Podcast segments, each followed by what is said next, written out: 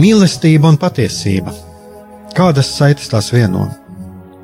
Mēs esam cieši saistīti pirmkārt ar sevi, ar savu būtību, un arī ar pārējo pasauli, ar līdzcilvēkiem, ar sabiedrību. Kur ir mūsu vieta šajā pasaulē? Kā mums katram atrast savu patieso aicinājumu un vietu? Kā sasniegt savas dzīves piepildījumu, mīlestību, Kādi šķēršļi gan mūsu sirdī un prātā sastopamie, gan ārējie aizķēso mūsu ceļu pie Dieva? Šie jautājumi ir mūsu dzīves sastāvdaļa, svarīgi mūsu ceļā uz svētumu. Meklēsim šajā raidījumā kopā atbildes uz šiem jautājumiem. Ieklausīsimies, ko Dievs mums vēlas pateikt ar visu, ko sastopam savā dzīvē. Lai mūsu sirds un prāti atveras mīlestībai un patiesībai, raidījums mīliet cits citu.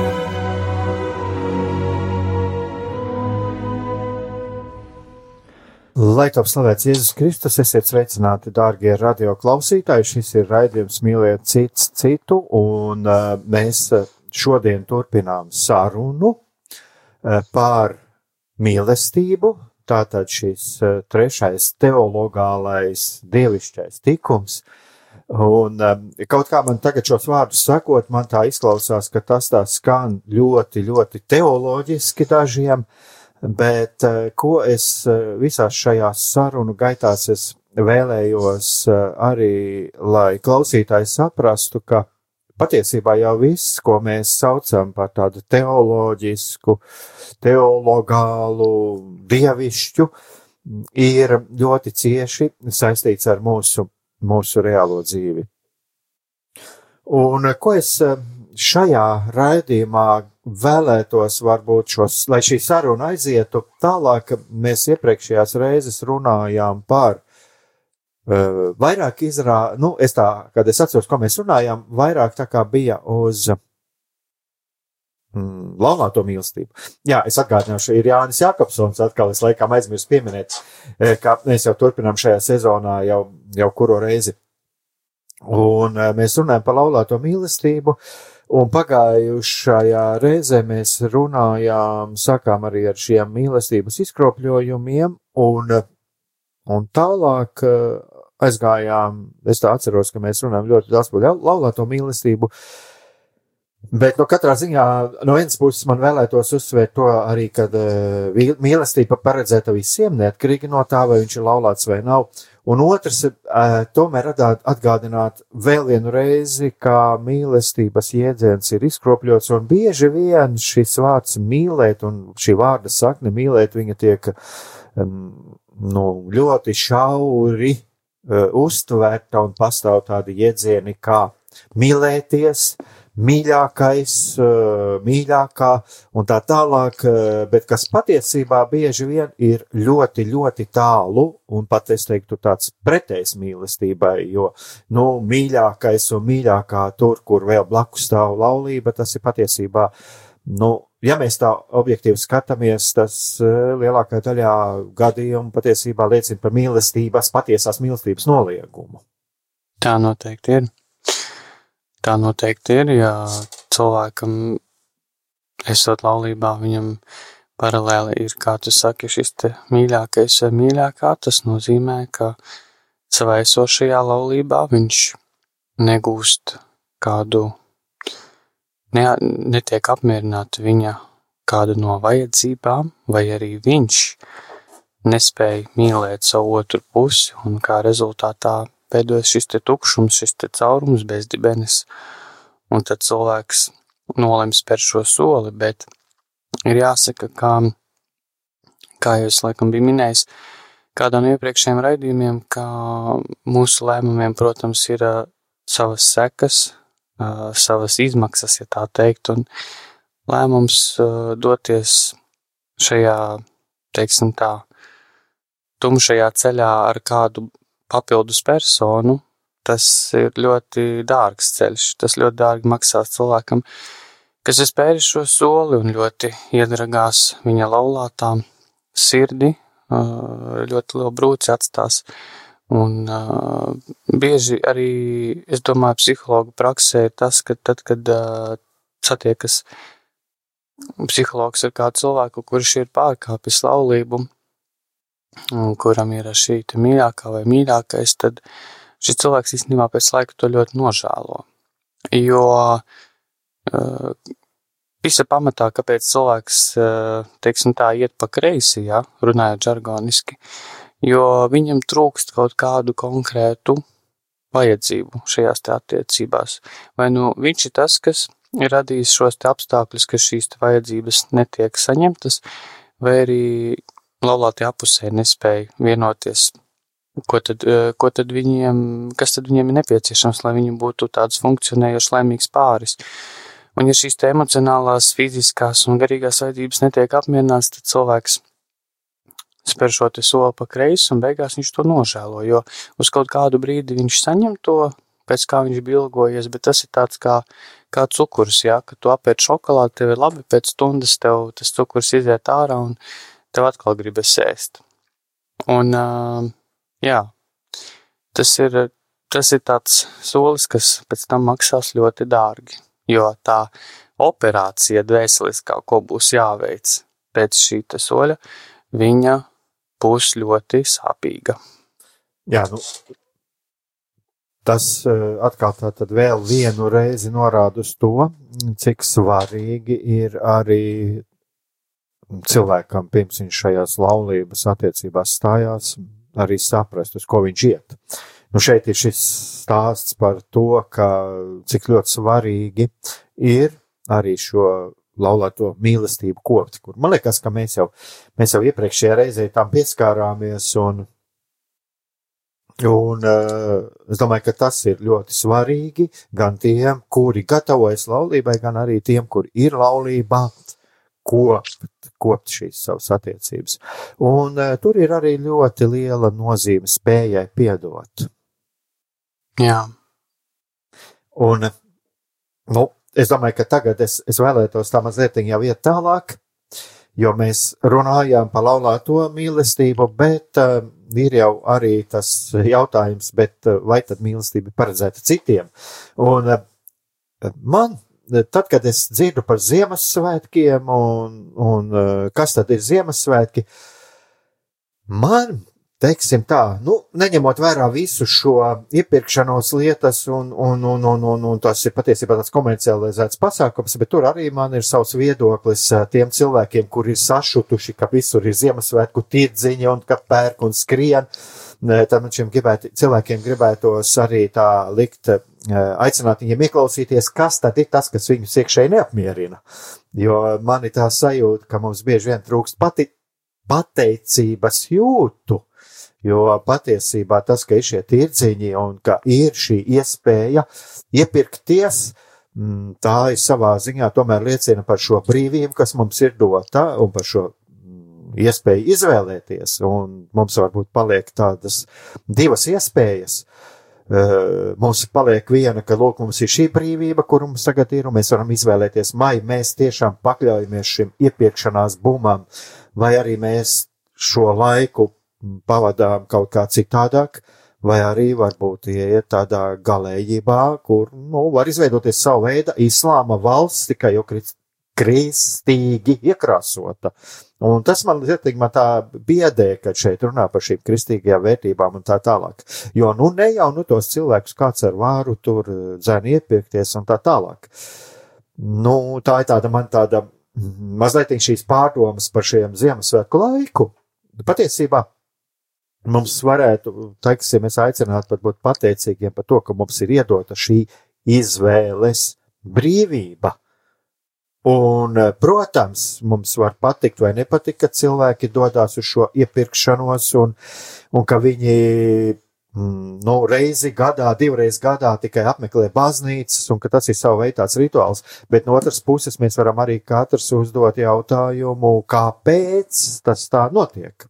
Un ar ko tad šie cilvēki mm, aizpilda, ko, kas ir tas, ko viņi aizpilda ar šo skriešanu pa šiem veikaliem.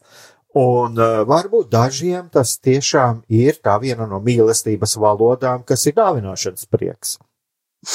Jā, Igor, zini, es tev ļoti piekritīšu, tāpēc, kad vispirms jau runājot par to, man ļoti patīk, ka tu minēji šo te momentu, ka tas, kas mūsos izraisa dusmas, jā, kāpēc mums tas izraisa dusmas, ka mēs redzam, ka tur cilvēks skrien Ziemassvētkiem pa priekšu, un, un ir viss šis te tirdziņš, un tā teikt tāds, nu, patēriņa balagāns, jā, bet es, es tiešām aicinātu katru no mums, mani un tevi un mūsu klausītājus, pārdomāt tādu momentu, kā mums ir šī ēnas puse, un to nevar noliegt. Jā. Ēnas puse, mm, es tagad varbūt neiedziļināšos, kas tā ir un kas tā nav, bet tā doma ir, ka mūsos, mūsu psihē ir kaut kas tāds, kas, kas mums ļoti nepatīk mūsu uzvedībā, bet mēs to neapzināmies. Un tieši tajos momentos, kad mēs redzam kādu cilvēku, darām kaut ko, kas mums liekas, galīgi greizi, un mēs paliekam dusmīgi uz to, īstenībā tajā brīdī mūsu ēna parāda, kas mūsos pašos mums nepatīk. Un, kad es ieraugu kādu situāciju, kā teica tirdziņš, un es dusmojos, ā, viņi tur jau svīn, un tas viss ir tāds patēriņa kults, tad es varu uzdot jautājumu, kāpēc man tas tik ļoti dusmo varbūt virspusēji, man liksies, man ir tas dusmo, tāpēc, ka es esmu ticīgs cilvēks un, un, un, un e, rekur šeit sekulāra vide un viņi tur tik grib to naudu nopelnīt un tā. Bet, ja paskatīties daudz dziļāk, tur būs kaut kas pavisam cits, kaut kādas pavisam citas jūtas un emocijas, kāpēc es tā reaģēju. Un beig beigās mēs varam atnākt pie tās saprašanas, ka īstenībā es dusmojos, ka varbūt es pats sevī nemāku radīt šo svētku sajūtu. Vai es nemāku priecāties tā kā citi cilvēki priecājas? Jā, viņi priecājas pārāk ātri, jā, viņi nesaprot Ziemassvētku patieso būtību, bet viņi māk priecāties, un es varbūt nemāku priecāties. Un tāpēc es ieteiktu īstenībā, kad vienmēr mēs dusmojamies, tas ir ļoti labs, arī kā tu biji minējis, arī citos raidījumos, tas ir labs instruments, kāds ar dusmām un kaut kādu nepatiku saprast, kas tad ar mani notiek. Un ar to īstenībā mēs nākam pie brīvības, jo tad, kad mēs apzināmies kaut ko, kas mūsos ir, teiksim, tā nelabs, nelabais, mēs varam to kontrolēt. Bet tad, kad mēs neapzināmies to, ka mēs varam izdarīt kādu sliktu rīcību, teiksim, ja es neapzinos to, ka es laiku pa laikam meloju, tad es turpināšu melot. Bet, ja es apzinos, ka manī ir šī te tendence cilvēkiem melot, un man nav kauns to atzīt sev, sev tuvam cilvēkam, tad es varu ar to strādāt. Es varu lūgt Dievu, viņš man tā dziedina. Tāpēc es aicinu arī šajos svētkos neskatīties tā virspusē, bet iet daudz dziļāk un skatīties uz tiem dziļākiem sirds motīviem.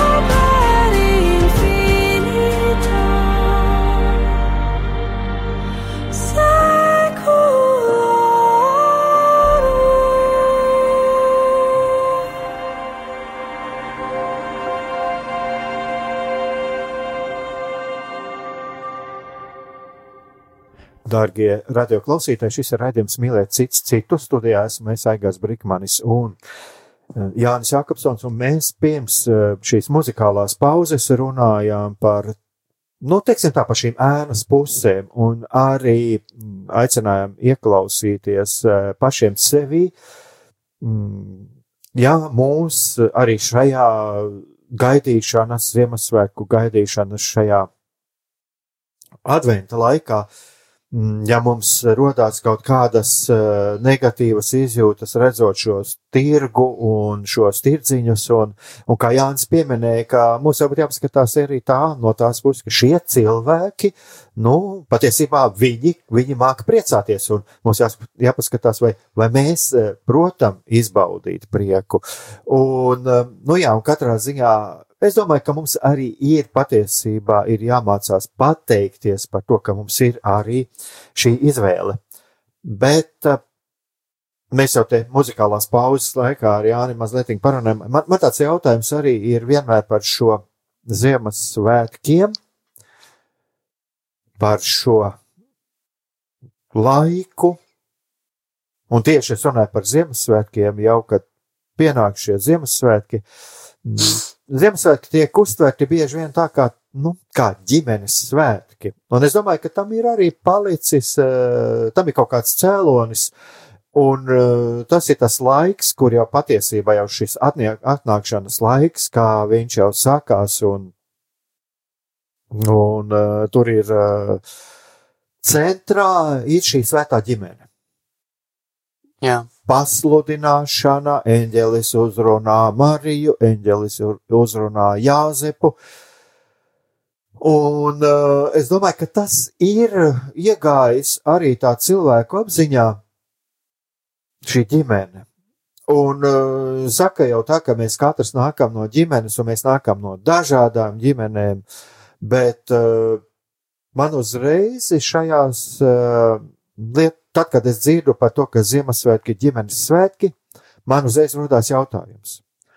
Cilvēki nāk no ģimenēm, bet no dažādām ģimenēm, un, bet ir taču arī bāriņi, ir tādi, kuri nav piedzīvojuši mīlestību savā ģimenēs, un kuri galu galā pat neatcerās savus vecākus. Un tad man vienmēr ir šis jautājums, vai mēs uzsvērdami to, ka Ziemassvētki, lūk, ir šī ģimenes svētki un tā tālāk, vai mēs tomēr neskatāmies pārāk šauri, un es pat teiktu egoistiski, un eh, nepavēlti savulaik, eh, šogad es to neesmu tā dzirdējis, ja, bet savulaik rakstījiet par to, ka Ziemassvētki viens no laika, no tiem tas viss šis eh, Nu, patiesībā šis adventa laiks, Ziemassvētki, kad jau visur ir šis spožums ap, apkārt, un ka bieži vien mēs redzam tur fotografijas tur ar ģimenēm, bērniem un tā tālāk, ka ļoti, ļoti daudz cilvēku ir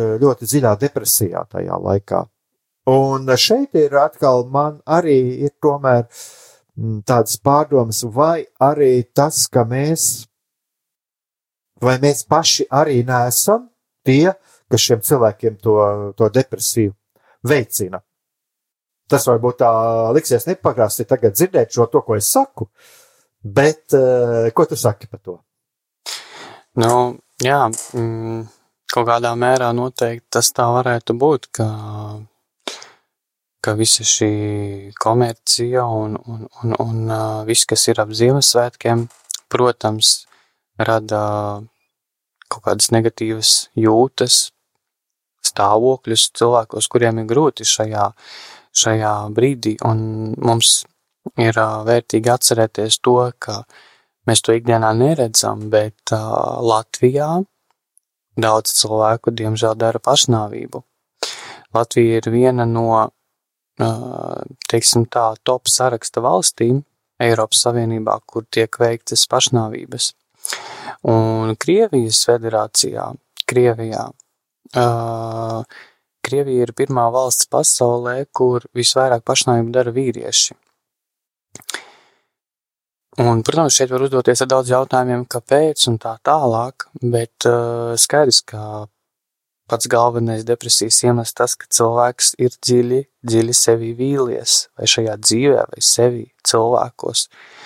Un, protams, arī šajā, šajā svētku laikā noteikti ir cilvēki, kuriem ir vientuļi, kuriem varbūt nav depresijas, bet viņiem ir, mm, viņi vienkārši ir vientuļi, viņiem nav ģimenes, vai viņi dzīvo kādā pansionātā, vai, vai, vai viņu saprūpē, vai viņi ir ar kādu slimību saslimuši. Un uh, tas ir tāds, uh, es domāju, eksistenciāla rakstura jautājums, kā cilvēkam būt šajos svētkos un, uh, teiksim tā, nepaklupt zem šīs svētku pat nastas kaut kādā mērā, jā. Man varbūt pat šajā brīdī īsti nav arī ko teikt, jā. Tā nav ne padoma nekā, bet tas noteikti nav viegli. Un arī brīžiem psihologa kabinetā ir tādi gadījumi, kad cilvēks atnāk, viņš prasa, kā man būt, ko man darīt, man ir sāpīgi. Un psihologam, psihoterapeitam viņam nav ko teikt, viņš vienkārši klusē. Un tad tas cilvēks, viņš sāk raudāt, viņš sāk izmisīgi raudāt. Bet īstenībā tas ir ļoti labi, jo, kad viņš sāk raudāt, viņš var izraudāt šo savu sāpi, un viņš caur šīm savām sāpēm un asarām var nonākt pie tā, kāpēc viņam tas ir tik būtiski, ka šajos svētkos viņš gribētu būt ar kādu, bet viņš ir viens, kāpēc viņam ir būtiski, ka viņu grib mīlēt un, un, un viņš nav mīlēts un tā tālāk. Tāpēc, jā, varbūt brīžiem arī ir jāsatiekas ar šo te vientulību un arī jāatcerās, ka galu galā ja skatāmies mēs tā daudz plašāk un tādā garīgā līmenī, tad mēs nekad neesam vientuļi. Kristus ir ar mums un cevišķi šajos svētkos Jēzus kā, kā, kā mazais bērniņš Jēzus, viņš būs klātesošs katra cilvēka sirdī. Un es domāju, sevišķi to cilvēku sirdīs, kuriem ir vientuļi un kuriem varbūt nav ģimenes, mēs varam ieaicināt Jēzu mūsu sirdīs šajos svētkos, lai viņš sasilda mūsu sirdis, un es ticu, ka arī tā svētku dirkstelīte arī būs to cilvēku dvēselēs, kuriem varbūt nav iespējas būt kuplā ģimenes skaitā. Nu, jā, es domāju, ka šeit ir arī ļoti svarīgi apzināties to, ka nu, tie cilvēki, kas šo mīlestību nesajūt, ka nu, vienīgie, kas šo Jēzus mīlestības dzirkstelīti varam ienest, tie esam mēs paši. Tu teici, ka nav atbildes, un šeit ir arī, man liekas, ka šeit ir ļoti, es pat teikšu, tāda, nerunāšu varbūt tā kā, teiksim, teoloģiskā gudrība, jā, bet ja mēs paskatāmies, uh, Tad uh, svētajos rakstos mēs pamanīsim arī to, ka Jēzus uh, jau nesniedz uh, šīs konkrētās atbildes, bet viņš ierosina cilvēkam, lai cilvēks, kā tu pats arī teici, jā, lai cilvēks varbūt izraudās, un viņš arī Nu, galvenais ir tas, ka viņš sajūt šo blakus būšanu, ja, jo tā kā Jēzus nedzīvoja otra cilvēka dzīvi, tas ir viens no, viena no lietām, kam es arī kādreiz gribētu vēl pieskarties, tas, ka no mīlestība nozīmē mums pašiem dzīvot savu dzīvi, un Jēzus arī nedzīvoja otra cilvēka dzīvi, bet kas ir ļoti svarīgi, ka viņš viņam bija blakus. Jā. Un tā kā tu runā par to psihoterapeita kabinetu, tāda šis cilvēks jau pats ir atnācis tur viņš meklē.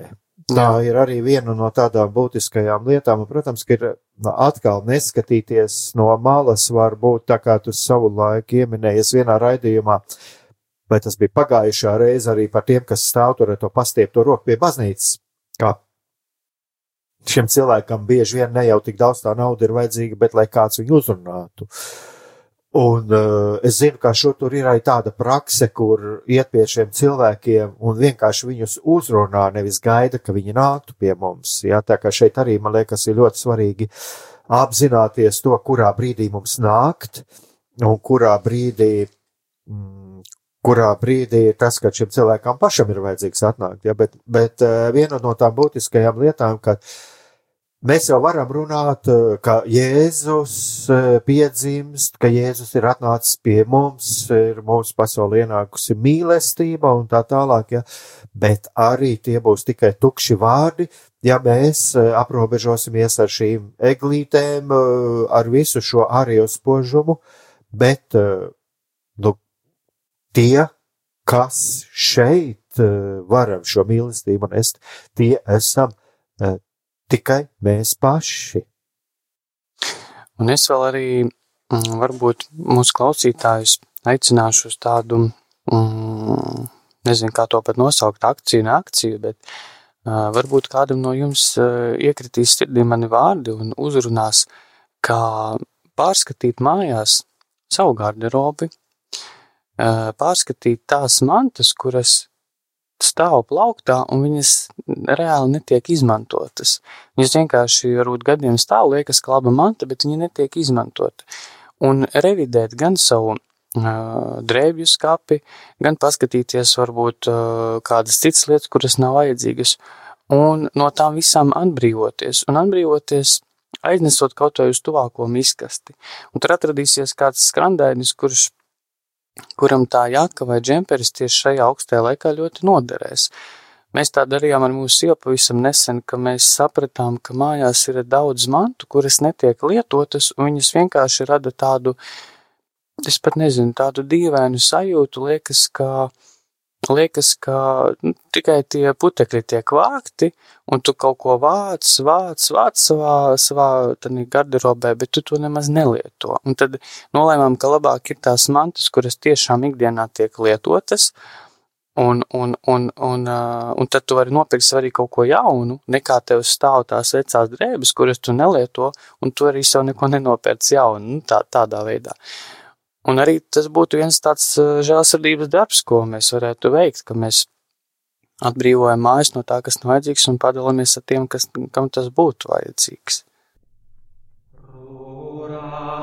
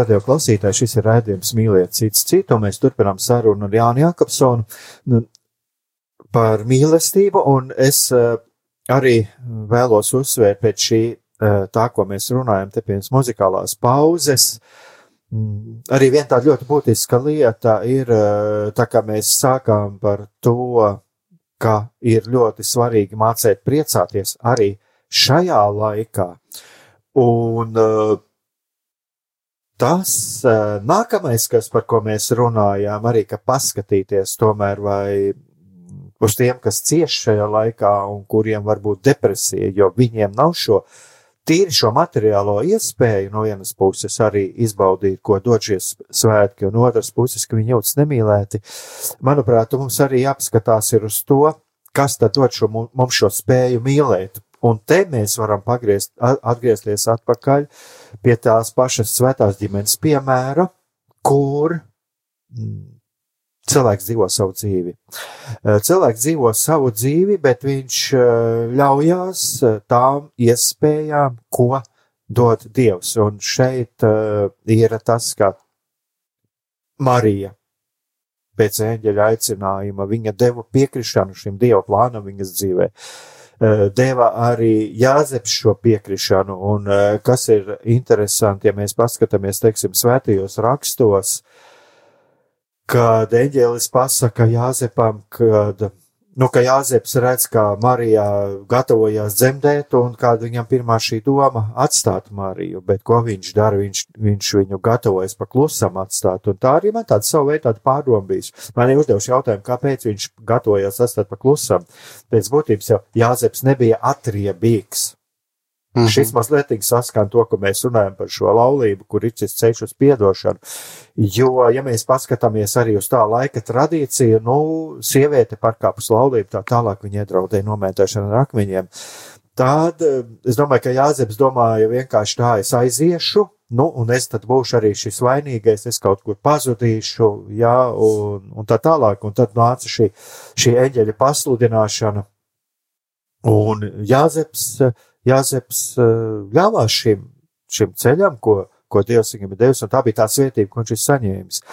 Un eh, kas ir zīmīgi, ja mēs atkal paskatāmies uz Mariju, ko tad Marija dara? Marija saņēmuši šo vēstu no eņģeļa, viņa dodās priecīgi dalīties ar, ar Elizabeti. Un eh, kāds varētu, domāt, varbūt kāds tam sakars ar visu to, ko mēs iepriekš runājām. Es domāju, ka sakars ir tāds, ka šī spēja priecāties. Jā, Jo šie cilvēki, ja mēs arī paskatāmies, tad arī ši, gan pats Jēzus, gan šie cilvēki, Marija, Jāzeps, viņi nelauzīja galvu tur, kur, vi- tur, tur, kur mēs nevaram kaut ko mainīt. Mēs neatradīsim, ka, nu, patiesībā mēs svētajos rakstos arī īsti neatradīsim, kur Jēzus uh, satrauktos par kaut kādām tām lietām, nu, arī, teiksim, šie grēki, kas šķietami no tāda mūsu skatījuma varētu būt grēki, ja. Mm, viņš nesatraucās tik daudz par, par šiem Ziemassvētku tirdzījiem tā mūsu skatījumā. Viņš pat savā ziņā gāja pie šiem cilvēkiem un runāja. Vienā lietā man uzreiz teikt, ko tad Jēzus darīja svētnīcā? Bet tur jau bija cita lieta. Tur jau Jēzus uzstājās pēc šo svētuma, mūsu skatījumā, pēc šo svētuma profanāciju jā, kur uh, tika aizmirsts dievs, bet vairāk bija celta uh, priekš, priekšplānā bija no, nolikta peļņa. Un mums arī ir jāapskatās ailīvām no, no tās puses, ka toreiz jau nebija šo izvēli, šo- demokrātisko brīvību, kāds mums tagad ir. Jā, un šeit ir šis stāsts par to. Jā, un, un ko es ar to gribēju teikt? Jo cilvēks ir vairāk spējīgs priecāties savā vietā, savā dzīvē, jo mazāk viņam būs rūkuma par to, kā priecājas citi. jā, Viņām būs mazāk rūkuma, un viņš būs vairāk atvērts uz jauno, būs vairāk atvērts uz prieku, un viņš būs arī vairāk spējīgs redzēt to, kur ir vajadzīga uh, palīdzība citiem. Jo man liekas, tu piekritīsi man arī tā, ka tie cilvēki, kas ir egocentriski ce- centrēti un kas dusmojās par uh, Ziemassvētku tirdziņiem, par, uh, par lietām, ko viņi nevar mainīt, tā tālāk. Viņi tomēr koncentrējās un viņi riņķo paši ap savu ego, un viņiem ir ļoti grūti ieraudzīt to, kur, bez, kur, kur viņš var palīdzēt otram.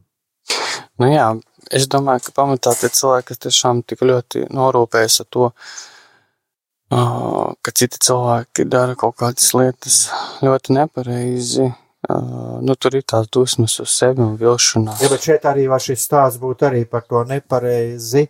Tas ir viņa izpratne nepareizi bieži vien.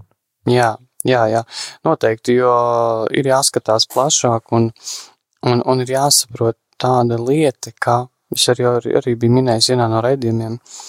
Dievs skatās ļoti plaši, un Dievs ir ieinteresēts, lai ik viena dzīve dvēseli, vienalga, vai tas būtu komunists, vai tas būtu musulmanis, budists, vienalga kurš, lai ik viena dvēseli nonāk debesu valstībā.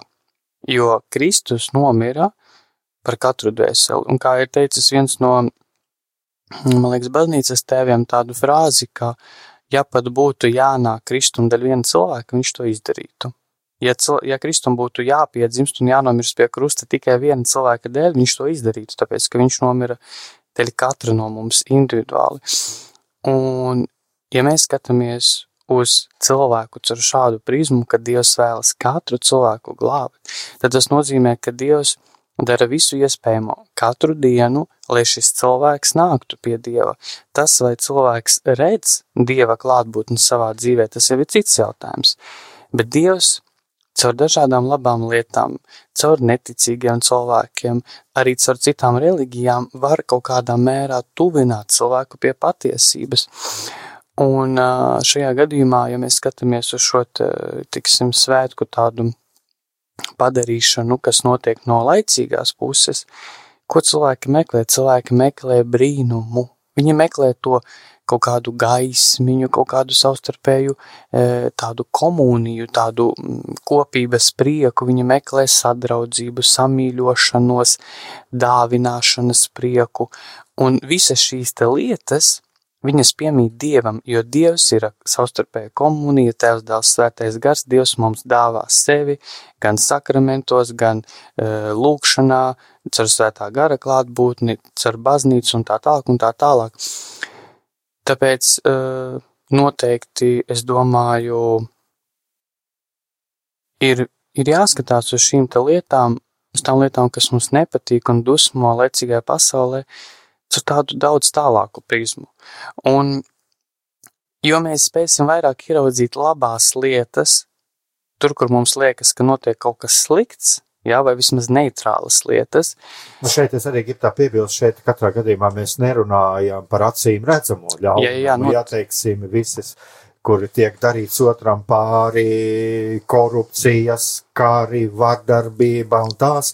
Šajā gadījumā ir acīm redzamās lietas, kur mums ir arī attie attiecīgi viņas jāvērtē.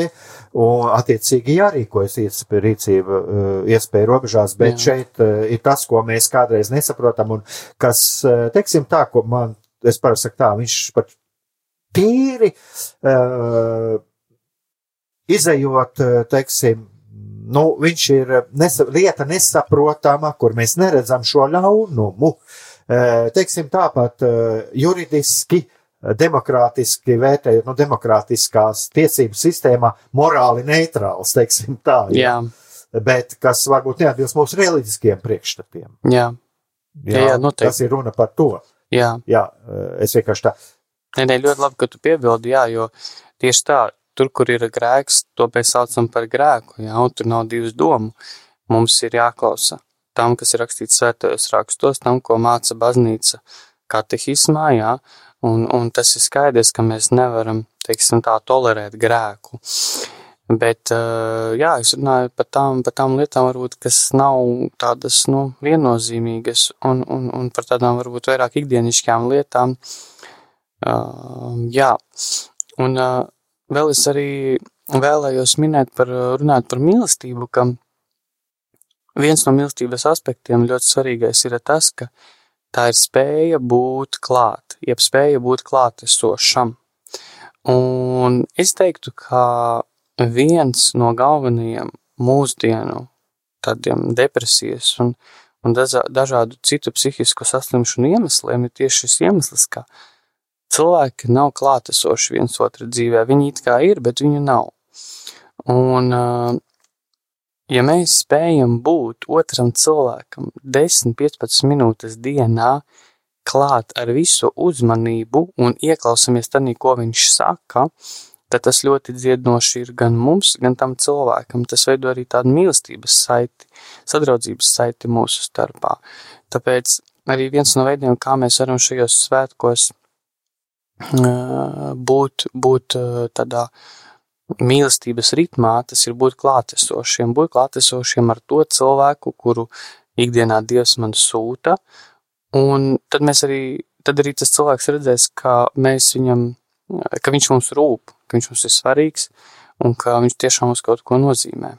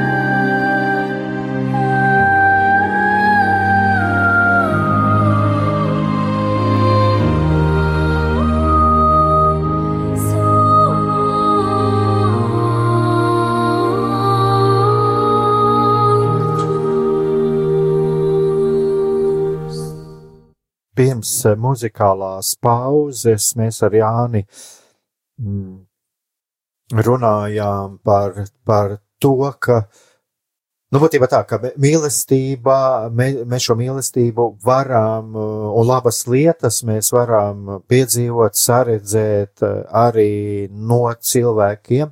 Nu, tas, tā ir tāda mana interpretācija par mūsu šo sarunu, ja, kuri, kuri pēc būtības nav kristieši.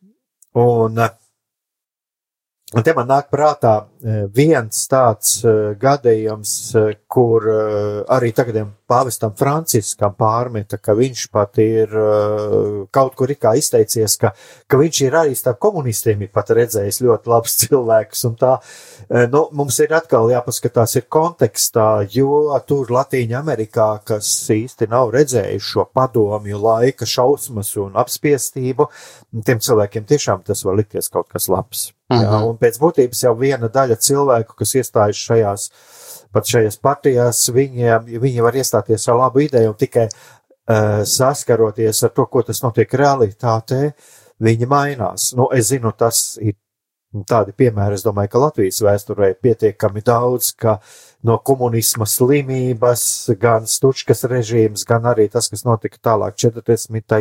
gadā, 41. arī daudziem, daudzus um, izārstēja, tā teikt, bet, bet pēc būtības jau šī cilvēkā kaut kas labs ir, ja viņš arī ir atvērts uz, atvērts uz patiesību, jā, un uz realitāti. Tā ir mazliet tāda atkāpe varbūt par šo komunismu, bet es padomāju, ka tā nav īsti atkāpe, jo, nu, pretējā gadījumā mēs jau, ja mēs tā skatāmies uz cilvēku un mēs absolūti ieliekam rāmītī pēc viņa kaut kādas sociālas vai politiskas piedarības, mēs e, jau noslēdzam sev tādu iespēju būt dialogā ar viņu. Te atkal mums jāmācās no, no Jēzus, jo, jo Jēzus varbūt arī aiziet pie šī komunista parunāt, ja, ja tikai viņš būtu gatavs, e, gatavs tikt uzklaus, gatavs uzklausīt Jēzu un um, Jā, un arī gatavs izteikt kaut ko savu, kas viņam sāp. Bet eh, šeit man vēl mazliet nāk, nāk prātā arī Kārmila tēvs Kerners, kurš runāja arī par šo lietu, kā mēs svēto garu reizēm noraidām, tāpēc, ka mēs, mēs uzņemam pat, uzņemam to, kas ir mūsu avotos, kristīgajos avotos, bet mēs uh, nesaskatām patiesību, to, ko saka cits cilvēks, jo mēs redzam šo cilvēku, mēs redzam šo grēcinieku, bet mēs, mēs viņu redzam kā grēcinieku, bet mēs tāpēc, mēs esam ielikuši viņu rāmītie, mēs nesadzirdam šo patiesību, ko viņš mums saka. Un tā, un tikpat labi jau arī šo mīlestību šis cilvēks mums var dot, jo tikai Dievs zina, kāpēc viņš ir nonācis šādā situācijā. Jā, cik reiz arī man tā ir bijis dzīvē, kad liekas, ka kāds cilvēks, kurš varbūt nav kristietis, bet viņš saka tiešām lādzīgas un, un, un tādas gudras lietas, un tad man gribas uzreiz uh, viņu oponēt, jā, tad rodas dosmas, kā viņš var man te kaut ko mācīt un tā. Viņš taču nemaz nepazīst Dievu, bet es jūtu, ka pats Dievs man sirdī oponē un saka, nomierinies, lūdzu, jā. Šobrīd es runāju ar šo cilvēku, un tev to ir, nu, labāk jāpieņem, jā, jo nu, es runāju tavam, tavam labumam. Un tāpēc e, arī jā, kopš tādām vairākam epizodēm es kļuvu vairāk, um, teiksim tā, atvērts tam arī, ko citi, cilvēki saka no ārpuses, jā, ne tikai mani kristīgie draugi vai paziņas, jo Dievs tiešām arī, arī lieto cilvēks, kas nav ticīgi, tas ir skaidrs, to mēs redzam kaut vai aizbraucot uz slimnīcu, uz, uz operācijas galdu vai vēl kaut kur, ja, ka mēs cilvēkam operācija notiek vai, vai to pašu zāļu ražošana, jā, tur jau, nu, pārsvarā tā ir, tā ir industrija, kur ir maz kristiešu, bet Dievs lieto šīs te, visas lietas, lai, lai arī mums kristiešiem palīdzētu, jo tas viss nāk no, labās lietas nāk no Dieva, to arī baznīcas tēvi spēja saskatīt pirmais gadsimtos, ka viņi gribēja formulēt teoloģiju un mācīja par trīsvienību un par, par Jēzus divām dabām. Viņi to formulēja visu ar grieķu filozofi. Viņi ņēma Platonu, Aristoteli, un tad ar šīm grieķu gudrībām viņi arī noformulēja to baznīcas valodu, kuru mēs joprojām lietojam. Tas parāda to, ka, ka Dievs ir klātesošs arī ārpus redzamajiem baznīcas, teiksim tā, rāmjiem, robežām redzam, redzamajām. Un tā pavisam īsi, ko es vēlējos vēl mūsu klausītājiem novēlēt, gan šajā, šajā vēl adventa laikā un Ziemassvētkos, kas būs jaunajā gadā, jo nākamais mūsu raidījums būs tikai jau jaunajā gadā. Es vēlos novēlēt, dārgie klausītāji, jums, es teiktu tā, neiespringt. Neiespringt, saprast, ka jā, ir svētki, pats galvenais šajos svētkos ir, ir samīļot Dievu ar savu sirdi un, un saņemt mīlestību no viņa. Tas ir pats galvenais. Nav varbūt tik būtiski, cik jūs iztērēsiet naudas uz dāvanām vai, vai, vai kas būs jūsu galdā, bet svarīgi ir šī te vienotība ar bērnu Jēzu un uh, neiespringt. Tiešām saprast, ka pēc svētkiem būs vēl vieni svētki, un atkal būs šis te viss tāds pirmsvētku, varbūt skriešana un tā, bet apstāties un, un uh, vairāk vienkārši pabūt pašam ar sevi un ar Dievu. Jo tie ir tie brīži, kad mūsos notiek liels pārmaiņas, ka mēs esam ar sevi, ka mēs esam vienatnē ar Dievu. Un tāds pavisam mazs uzdevums, ko jūs varat mm, kaut vai katru dienu veikt līdz Ziemassvētkiem, kā, kā jums vēlas, ka jūs parunājat ar savu iekšējo bērnu. Man ļoti patīk šī, šī, šī, satikšanās ar mūsu iekšējo bērnu, kas mūsos dzīvo, jo tas ir, tas ir ļoti dziedinoši, un tas ir kaut kas, ko būtu tiešām, manuprāt, katram cilvēkam jādara. Um, satikšanās ar iekšējo bērnu. Ir vajadzīgs klusums, ir vajadzīga pati, patiesa satikšanās ar šo savu iekšējo mazuli, kas ir mūsos, mēs viņu, viņu varam vienkārši uzrunāt. Sveiks, kā tu jūties? Teiksim, mani sauc Jānis, kā tu jūties mazais Jānīt manī? Cik tev ir gadu šobrīd, jā? Un tad mēs varam pēc sajūtām, izjūtām saprast, cik, cik vecs ir šis te iekšējais bērns mūsos, vai viņam ir trīs, vai viņam ir pieci gadi, vai varbūt desmit, jā, varbūt viņam ir 14, varbūt šobrīd viņš ir tādā tīņa posmā, un tāpēc arī mūsos notiek kaut kādas šīs te tādas impulsīvas uzvedības, rīcības ikdienā, jo mūsu iekšējais bērns, viņš jūtas kā 14 gadīgs tīnis, Un šajā vecumā bērni, viņi ir jaunieši, viņi ir ļoti aktīvi, viņiem gribas visu iepazīt, izdarīt, kaut ko pārkāpt. Kad mēs saprotam, cik ir mūsu iekšējiem bērnam gadu, un pēc kā viņš ilgojās, tad mēs arī varam ļoti dziedināt sevi. Iet tādā sarunā ar savu iekšējo bērnu, cik tev ir gadu, kā tu jūties, pēc kā tu ilgojies, ko tu neesi saņēmis, par ko tu dusmojies, par ko tu esi pateicīgs, ko tu vēlētos, lai mēs ar tevi ikdienā vairāk daram. Un ar šīm sarunām jūs vairāk sapratīsiet, kas tas, kas patiesi jūsu sirdī jums ir vajadzīgs. Un, un tā arī Dievs nāks ar dziedināšanu. Dievs nāks ar dziedināšanu. Nu, tad ar to es arī vēlētos noslēgt šo raidījumu. Tiešām, lai mēs katrs šajā laikā sastopam savu iekšējo bērnu, un lai Dievs mūs dziedina, un lai tiešām Dievs piedzimst, ienāk mūsu dzīvēs šajā laikā šajos Ziemassvētkos, turpmākajā gadā un arī visā mūsu turpmākajā dzīvē. Āmen!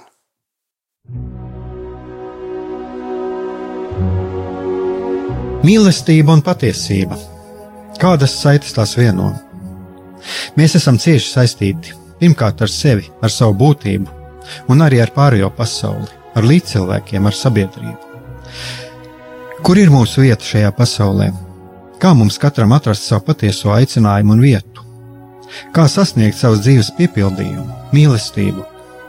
Kādi šķēršļi gan mūsu sirdī un prātā sastopamie, gan ārējie aizķēso mūsu ceļu pie Dieva? Šie jautājumi ir mūsu dzīves sastāvdaļa, svarīgi mūsu ceļā uz svētumu. Meklēsim šajā raidījumā kopā atbildes uz šiem jautājumiem. Ieklausīsimies, ko Dievs mums vēlas pateikt ar visu, ko sastopam savā dzīvē. lai mūsu sirds un prāti atveras mīlestībai un patiesībai. Raidījums mīliet citu citu.